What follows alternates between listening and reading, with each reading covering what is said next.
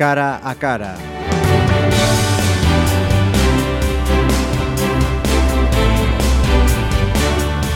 Saludos, arrancamos este cara a cara con un invitado polifacético. Y voy a decir por qué. Eh, lo habíamos llamado mm, por su participación en un programa de televisión, en First Dates. Pero resulta que a medida que hemos ido indagando y, viendo, nos encontramos con, con muchas más cosas interesantes. Frank Sastre Cadell, Sí. bienvenido. ¿Qué tal? Gracias, Marisa. Buenas tardes. Frank, ¿cómo te presento? ¿Como biólogo, como geólogo, como artista? Preséntame como Fran, simplemente mejor, si no te importa. Pues, Frank, vamos a decir que este hombre que nos acompaña hoy, eh, naciste en Francia. Sí, nací en Francia. Cuéntanos, eh, ¿por qué esa circunstancia? Pues circunstancia familiar de, padre español gallego o gallego español y de madre francesa. Y bueno, mis padres se conocieron eh, justo en la frontera, como digo yo, y mi madre pues vivía en Francia, trabajaba en Burdeos, le gustaba mucho pues, la costura y estaba en una empresa de alta costura. Y mi padre pues se enamoró de mi madre, le gustaba mucho, era muy guapa y demás, y sigue siéndolo. Y ahí nacimos mis hermanos, que somos Ajá. cuatro hermanos. Sois sí. cuatro. Tu padre dices que era gallego, ¿de dónde? Sí, eh, bueno, cerca de Vigo. Cerquita de Vigo. De ahí también tu vinculación actual con Vigo desde hace unos años. Con Vigo. Sí, desde ahora estoy viviendo en Galicia pues unos 8 o 9 años. Soy el único de la familia directa que vive aquí. Digamos que eh, actualmente anda eh, saltando por el mundo, pero con bases entre, entre Vigo y Pontevedra. ¿Qué es lo que te atrajo de, de Pontevedra? Bueno, a mí de Pontevedra lo que me gusta, eh, sinceramente, y hay que decir las cosas, es una ciudad eh, muy bien conservada, peatonal. Creo que ejemplo para otras ciudades, yo no entiendo mucho, pero cuando viajas y yo creo que la nueva tendencia a muchas personas nos gusta caminar por la ciudad, pasear, pararte, todos los, eh, los rinconcitos que tiene. Y eso yo creo que vosotros que, que sois de aquí y habéis nacido os gusta, pero los que somos de fuera nos damos cuenta que eso pues está muy es, bien. ¿no? es un valor, claro que sí. Eh, has vivido en, en Francia, eh, en Moscú, me has dicho, en Estados Unidos, en Barcelona, en Málaga, en Girona, en Mallorca. Sí. Dios mío, esto da un bagaje importante. Bueno, te da bagaje, sobre todo conoces muchas personas, eh, también son las circunstancias del trabajo, luego dejas amigos, eh, hoy en día con la red social pues eh, sigues en contacto con ellos, cuando vuelves los vuelves a reencontrar, tomas unas cañas o unos vinos y, y hablas, y a mes te abre las fronteras pues para tu trabajo y para hacer mil cosas. Siempre yo creo que es muy importante tener la mente abierta y, y no dejarse influenciar siempre, influenci- em, tener una- un propio criterio ¿no? de, de uno mismo. Eh, mm, con eso que, mm, que te he visto ahí duda, en esa- ¿cuántos idiomas hablas, Frank? Bueno, bien, no sé, creo que ninguno ya. Pero mezclo todo. ¿Cuántos? En teoría tendría que hablar bien cuatro. ¿Español, inglés, francés? Hablo bien el francés, el español, el catalán, luego el inglés y el ruso. El ruso. Sí, bueno, hablar, no sé escribirlo. ¿eh? Ahora. Casi y lo, nada. lo vas perdiendo si no lo practicas.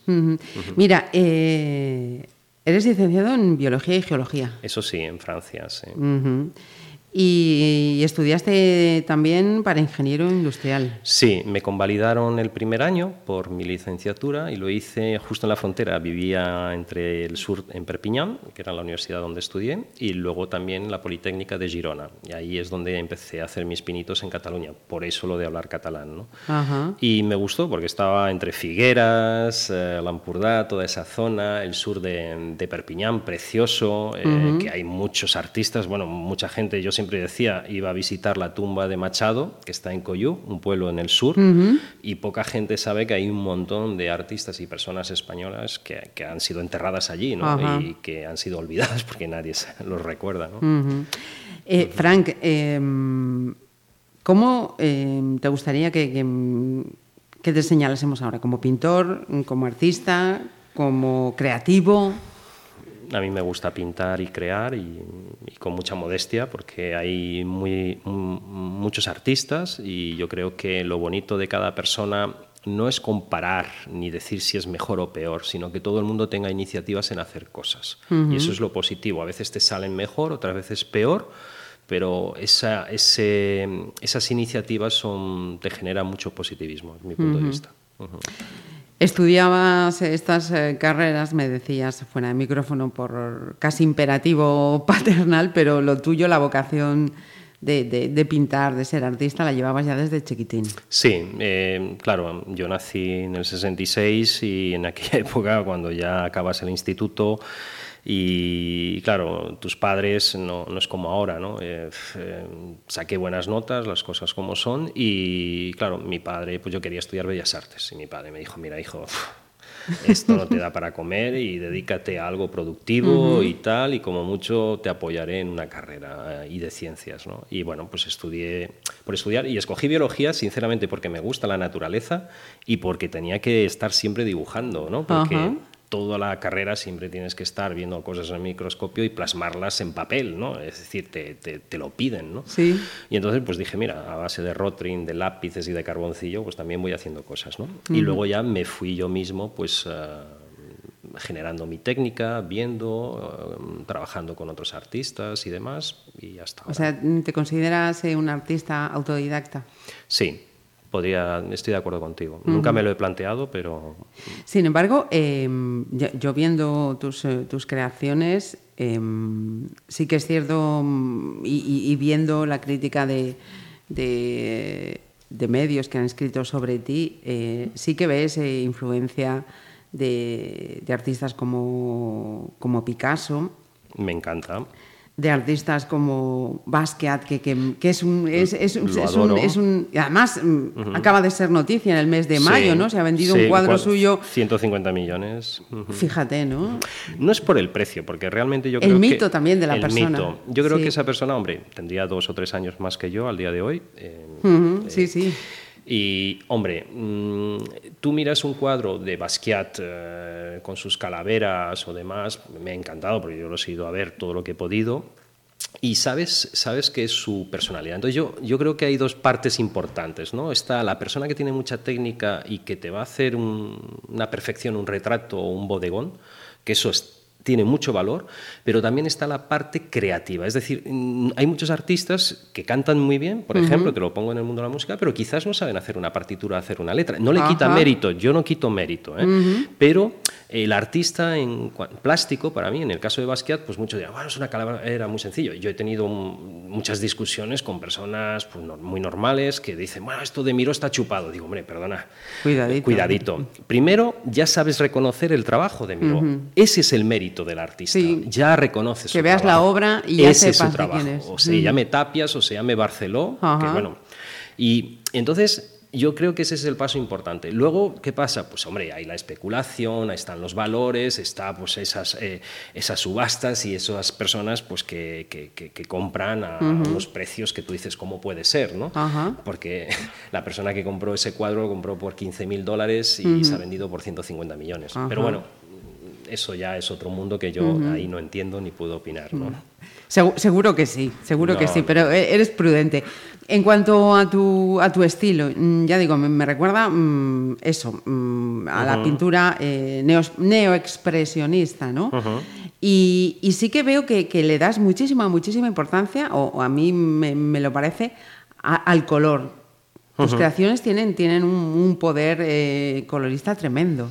Me gustan los colores primarios, los colores vivos, porque, hemos, eh, porque me, siento atraído por ellos, o un color vivo y lo voy bajando de tono, ¿no? Y, no, no, jugar mucho con las sombras, y luego el trazo negro y mezclando el carbón encima, ¿no? Que le da un brillo, ¿no?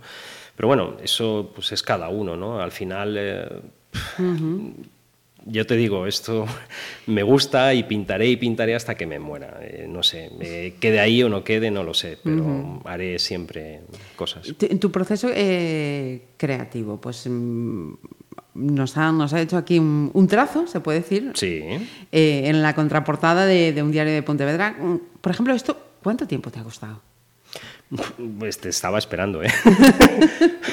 bueno, 10 minutos o 15. 10 minutos. Sí. 10 minutos. Seguro que luego vais a ver una, imagen porque lo vamos a, a reproducir. Y sigue, sigue completándolo, ¿eh? Sigue, sigue completándolo.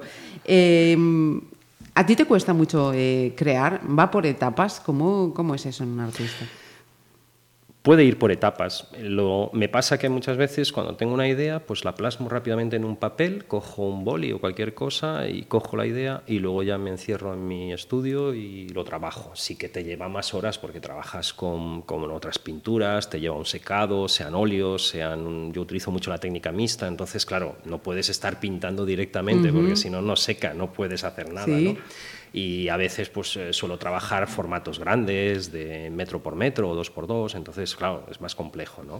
Pero siempre la idea me viene a cada momento y lo tengo que plasmar en una hoja enseguida, porque ves una foto y veo la imagen en mi cabeza de lo que quiero, el color y todo, y lo plasmo y luego pongo mis apuntes así, digo, ay, mira, sí, azul o tal y cual, y luego, pum, y entonces me siento muy realizado cuando lo acabo y digo, ya me gusta, y ya luego cuando lo he acabado, ya me es igual, ya estoy pensando en otra cosa.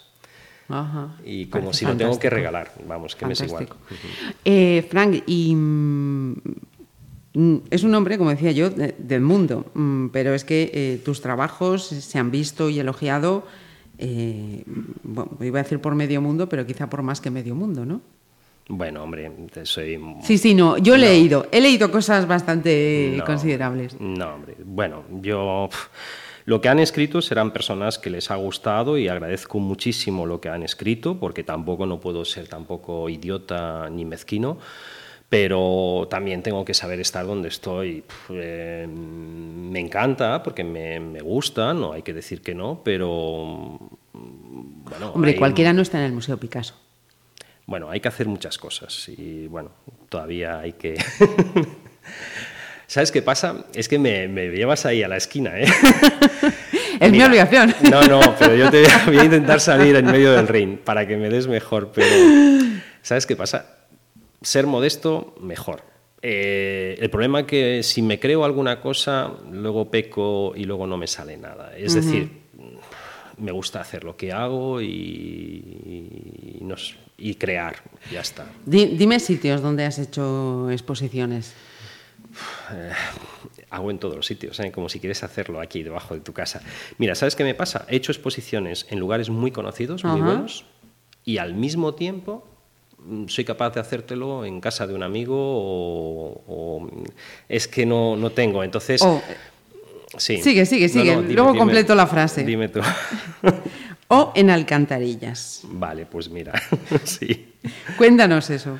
Bueno, lo de las alcantarillas es una anécdota que me vino hace muchos años y llevaba, siempre me gusta llevar en el coche unos sprays y, bueno, yo digo, ya verás como me envían un día, me va, me va a detener algún policía municipal y ya me ves, bueno, que lo malo será que pague la alcantarilla. Bueno, y dirán, ¿tú cómo vas a estos años haciendo esto? Vaya gamberro, ¿no?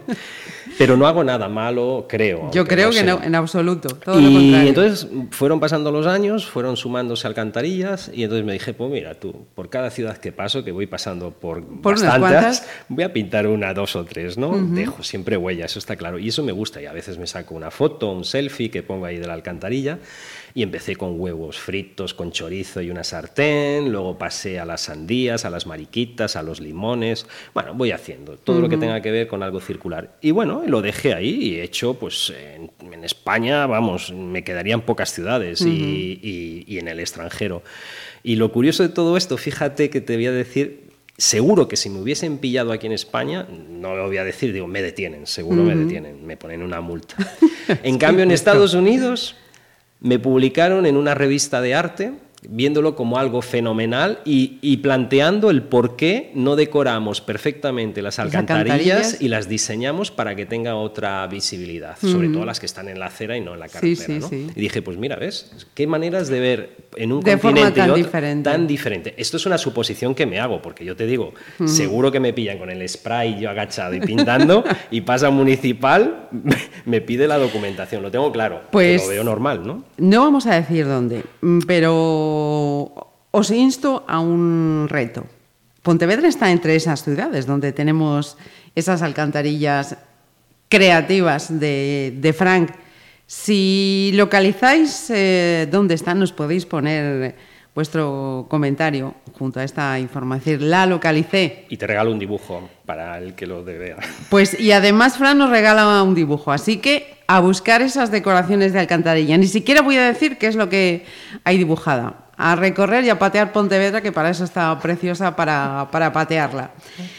Eh, dos cositas más, Frank. Dime. Eh, bueno, antes de dejar el, tema arte, eh, ahora mismo lo último más reciente es la revista, espérate que mi vista no me da, Artist Spectrum. Sí. El, motivo eh, por el que sales en esta revista son las medianeras que, has hecho en Vigo. Sí, bueno, no, lo han hecho un montón de artistas. Eh, el tema es que en esta revista se me dio un espacio para, escribir y hablar de mis trabajos y demás. Y en ese momento creí, y lo digo con todo el corazón, porque no es por una ciudad ni por otra, sino encuentro este proyecto y sobre todo porque en Bruselas y en otras ciudades hace mucho tiempo, en Berlín, los grafitis están en las calles y, e incluso Valencia, en España, he ido a visitarlos y el turismo pasa para ver esos grafitis. En nuestra ciudad, aquí en Pontevedra, hay ya algunos de algunos artistas que van haciendo, pero es que está muy de moda. Pero yo creo que ahí se, se metió ya el ayuntamiento, el concello, y ya lo hizo ya súper grande. Y eso está muy bien. Yo veo esas iniciativas muy interesantes. Y entonces decidí pues ya que me daban ese espacio y es una revista muy conocida en Estados Unidos, pues hablar de ese trabajo que es de muchos artistas. entonces ese espacio fue la cuña para meter a, un poco la visión de, lo que se está haciendo. Mira, ahora mismo se me está ocurriendo aquí en Pontevedra un sitio, además lo tenemos muy cerquita, donde se podía hacer un trabajo estupendo para quitar ese feísmo de, algunas eh, fachadas. Hay que decir que también algún responsable municipal ya intentó en su momento, pero no, no fue posible. Otro proyecto también en, ciernes es uh, ¿no? Trazos, cuéntanos. Bueno, trazos, eh, estoy trabajando ahora con, nuevos dibujos y nuevos trabajos, donde mm, tengo ahora pues eh, apalabrados para salir. Bueno, primero a finales de año vuelvo a exponer en Estados Unidos otra vez, que estaré un mes y medio. Luego otra vez también ahora en Mallorca este verano y eh, aquí en Galicia, pues hoy me dieron una buena noticia que está en el aire y en el espacio arte de Roberto Berino, pues de Orense, pues eh, quieren que, que, pueda, ¿no? Es la noticia que me han comunicado esta mañana por WhatsApp y yo pues encantado. Falta que me digan día, fecha, hora, mes y cuándo, ¿no? Y yo voy allí y lo que haga falta, ¿no? Considero muy buena iniciativa también de esta persona porque estudió Bellas Artes eh, y siempre ha apoyado el arte, ¿no? Y a los nuevos artistas o no artistas, pero siempre ese espacio lo dedica y bueno, pues eh, Trazos es eh, más negro, más líneas y un poco una colección muy diferente hasta lo que he hecho. A lo que vienes hasta ahora. Mejor o peor, no lo sé, pero bueno, diferente. Eso significa también un, cambio de etapa. Cuando un artista, pues como Picasso, ¿no? La etapa rosa, la etapa azul, eso bueno, también. Él, era un dios.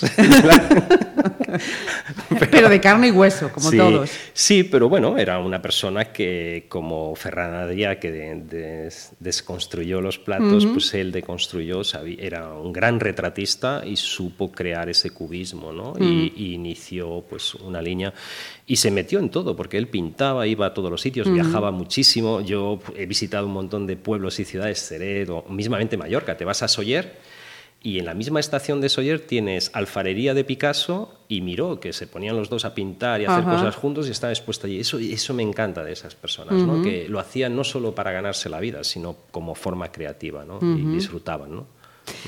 Vamos ahora con esa parte eh, por la que dijimos, mm, vamos a ver qué nos cuenta Frank. Resulta que hace unos meses, allá por febrero, si no me equivoco, eh, a este hombre lo vimos en la pequeña pantalla, en el programa First Dates. Resulta que fue la, cita sorpresa de Ana Obregón. Entonces, vamos con esa parte televisiva. Fran, cuéntanos. Pues mira, fue una gran sorpresa, me gustó, ¿eh? porque hay que reconocer, iba muy asustado, y yo volvía de viaje y se puso en contacto conmigo la, redactora jefe del programa para, para, si quería, me hizo varias preguntas y ya dije que sí, que me apuntaba, vamos, al bombardeo. Y me dijo que eh, querían hacer una pareja con unos artistas para el día de San Valentín y nada, pues me pagaron el billete y fui para allá, ¿no? Eh, me recogieron y estuve allí y realmente no supe nada de quién era y la otra persona, Ana, tampoco sabía nada, ¿no? Y estuve bastante nervioso porque es cierto, en mi entrada reconozco que yo me quedé, la vi de, espalda, pero no la supe reconocer porque iba muy bien vestida y demás. y, fue todo así, no, no sabíamos nada ni uno ni otro. Sí, sí, como se vio, porque puede parecer mucha casualidad, pero claro, a mí me preguntaron, pues hombre, me imagino que por las redes sociales, pues vieron, mira, estudió biología, ala, y ya compuso la redactora jefe. Bióloga. Tal, ella tal, un parentesco. Luego, pues me preguntó, pues oye, tal, y supieron del accidente de, mi pareja de coche, que yo no sabía de ella porque no conocía su vida, más que por revistas a veces de una peluquería que ves y cosas, pero no sabía lo que le pasó. Y claro, fuimos hablando y, todo fue así. Fluyendo. No, no, de verdad. Y encontré una persona muy interesante. ¿eh? Eh, entiendo y por lo que he visto, eh, sí que mantienes una, una relación. Os habéis visto más veces después de. A ver, no seas malilla, ¿eh? malilla Yo eso lo he leído, ¿eh? Eso lo he leído. Me refiero a una relación de amistad. Sí, una relación de amistad sí que la hay. Y primero, de, gran respeto. Y, y yo quiero considerar que, hombre, como persona, pues, hombre no puedo hablar, puedo hablar de las cosas que, que se ven públicamente, sí, sí, sí, pero hablar de otras cosas, si he tomado dos cafés o 50 cafés, pues... No, no, eso ya queda para vosotros, tampoco da... Queda para la intimidad, ¿no? Sí, sí, por supuesto, por supuesto. Queremos saber, pero sin entrar en, en la intimidad que no quiera contar nadie, lógicamente. O sea, que esta experiencia te ha servido, pues, para conocer a una persona más interesante, que quizás rompe también los cánones que nos que nos hace llegar la, la prensa rosa. A ver, es una persona expuesta a los medios y como es normal, siempre cuando estás expuesta en los medios, pues recibes de todos los sitios, ¿no? y, claro, es muy difícil eh, quedar bien con todo el mundo y, ser magnífico, nadie es magnífico ni nada, ¿no? Y yo puedo reconocer que, que el contactar y estar tomando, cenando, comiendo con, con, ella, pues descubres una persona tal cual, ¿no? Pues hombre, también pues vive de los medios, es actriz, es cantante, es productora, tiene mil cosas, con mil follones, con 20 teléfonos, no sé si ya te puedes imaginar. y, y, bueno, pero muy, eh, muy sincera, muy cercana, muy inteligente, eh, puedo reconocer, y admiro de una mujer eh, esa fuerza que tiene, porque no se rinde, yo me quedo parado. Yo considero que muchos de nosotros, a veces hombres, no tenemos esa voluntad y es de admirar en vosotras mujeres. Yo admiro ¿eh? la fuerza, la lucha, que nosotros quizás nos, nos, eh, ahogamos en un vaso de agua muchas veces, ¿no? y, ahí está. Y, otra cuestión más. Eh, ha sido a, esta, a este programa, ¿no? Se entiende que son personas que no tienen pareja, que bueno, pues que buscan conocer a personas, bueno, por diferentes eh, motivos. Eh, tú también nos acabas de contar, bueno, pues esa circunstancia que perdiste de manera, pues, eh, trágica, dolorosa a, tu pareja, pero eres padre y también de una manera, pues, un, tanto peculiar. ¿Hasta dónde nos puedes contar? Voy a quedar fatal aquí. No, no, en absoluto. Me parece que todo lo contrario. Se trata de una entrevista muy sí, hombre, no. Bueno, bueno, me haces la pregunta, sí, tengo mi hijo, estoy muy contento, su madre y yo tuvimos un hijo, y digo su madre porque aparte es mi amiga y somos, pero reconozco que al perder la persona, pues hombre, eh, era, yo estaba súper enamorado, ella también, pues eh, las circunstancias de la vida. Yo ya tenía casi pues, 38, 39 años, eh, no tenía pareja, eh, conocía a unas personas, pero lo típico, porque eran las amigas, unas de ellas, por consolarme, por tal, y, bueno, no funciona. ¿no? y, y, bueno, sigue la amistad, pero no para. Y Mónica, pues yo vivía en Barcelona en aquella época, mm, comíamos siempre en el mismo sitio, cerca de Travesera de Gracia, nos veíamos a mediodía, hablábamos a veces eh, nos sentábamos juntos y nos fuimos conociendo. Y ella pues tuvo un cáncer fuerte de útero, que lo estuve al lado de ella, con quimio, radio y tal, y bueno, le pronosticaron que no podría tener hijos. Y yo dije, pues mira, yo si te digo la verdad, no sé si puedo tener o no. Y, bueno, fue la anécdota y esto nos llevó un mes. Y al final dijimos, oye, ¿por qué es que no, lo intentamos los dos? Porque me encantaría tal. Y bueno, pues eh, justo estaba a punto de, de dejar un apartamento pequeñito que tenía en el centro de París, cuando iba por trabajo y demás. Y fuimos allí, pasamos una semana magnífica y mira tú. De la que ya se magnifique. Se magnifique, vino c'est es très joli. No sé qué pasó, pero te puedo decir que ella al cabo de un tiempo me llamó y me dijo, Fran, eh, voy a ser mamá y tú vas a ser papá. Y yo dije, jolín, yo me quedé en shock, dije, no me lo esperaba, yo no pensaba que no iba a tener esa reacción. Y bueno, fuimos padres así, de esta forma, sin estar siendo pareja, sin estar casados, sin haber tenido una relación. Los padres de ella encantados, iban a ser el primer nieto. Mi madre fue la que quedó en shock. Mi madre dijo, mi hijo, de todos los hermanos, eres el más raro de todos, siempre va a ser un hijo infeliz, esto, ¿tú crees que puedes educar de esa manera? Y al final mi hijo ahora va a cumplir 14 años en septiembre, eh, vive estupendamente, feliz, eh, se pasa mes y medio, dos meses conmigo, luego 15 días, está en el colegio en Barcelona, lo voy a ver los fines de semana, tres o cuatro días con él, o viene aquí con su madre. Y, así ha ido creciendo y cuidando de su espacio y riéndose siempre. Entonces, claro, a veces el tópico de yo a veces con amigos me dicen, bueno, ¿ves? Ven los padres discutir o ven los padres que no se hablan o que no tienen cariño. En cambio, mi hijo ve que su madre da todo el cariño y yo cuando estoy con él estoy al 100% con él. Entonces, quizás no estoy todos los días, es cierto que puede chocar, pero el cariño eh, cuando está lo tiene intensamente de un lado y de otro. Yo decía por eso, el motivo inicial era ese, ese encuentro con, con, la famosa, pero resulta que te encuentras eso, muchas eh, vértices de, de, una persona pues bastante interesante y lo que acabas de, decir, ¿no? Pues eh, ese, ese, ese mito, esa tradición de, la pareja junta que al final es lo que acabas de explicar, ¿no? El, el cariño no, no, viene de muchas maneras y se puede educar de muchas maneras y, me parece que Alain es, es, un chaval muy afortunado, Sí, yo creo que todo está cambiando. El problema es que cuando, pues de mi generación a la actual, pues eh, es como ahora, ¿no? Eh, las parejas no tienen por qué ser heterosexuales, pueden ser eh, de diferentes maneras, ¿no? Y hay muchos conflictos a la hora de hablar, pero finalmente, ¿qué buscas? El respeto, el amor, el cariño el que esa persona que está contigo, pues esté contigo realmente, como pareja, como amigo, como todo, y luego si tienes un hijo en común, sea adoptado o lo hayas tenido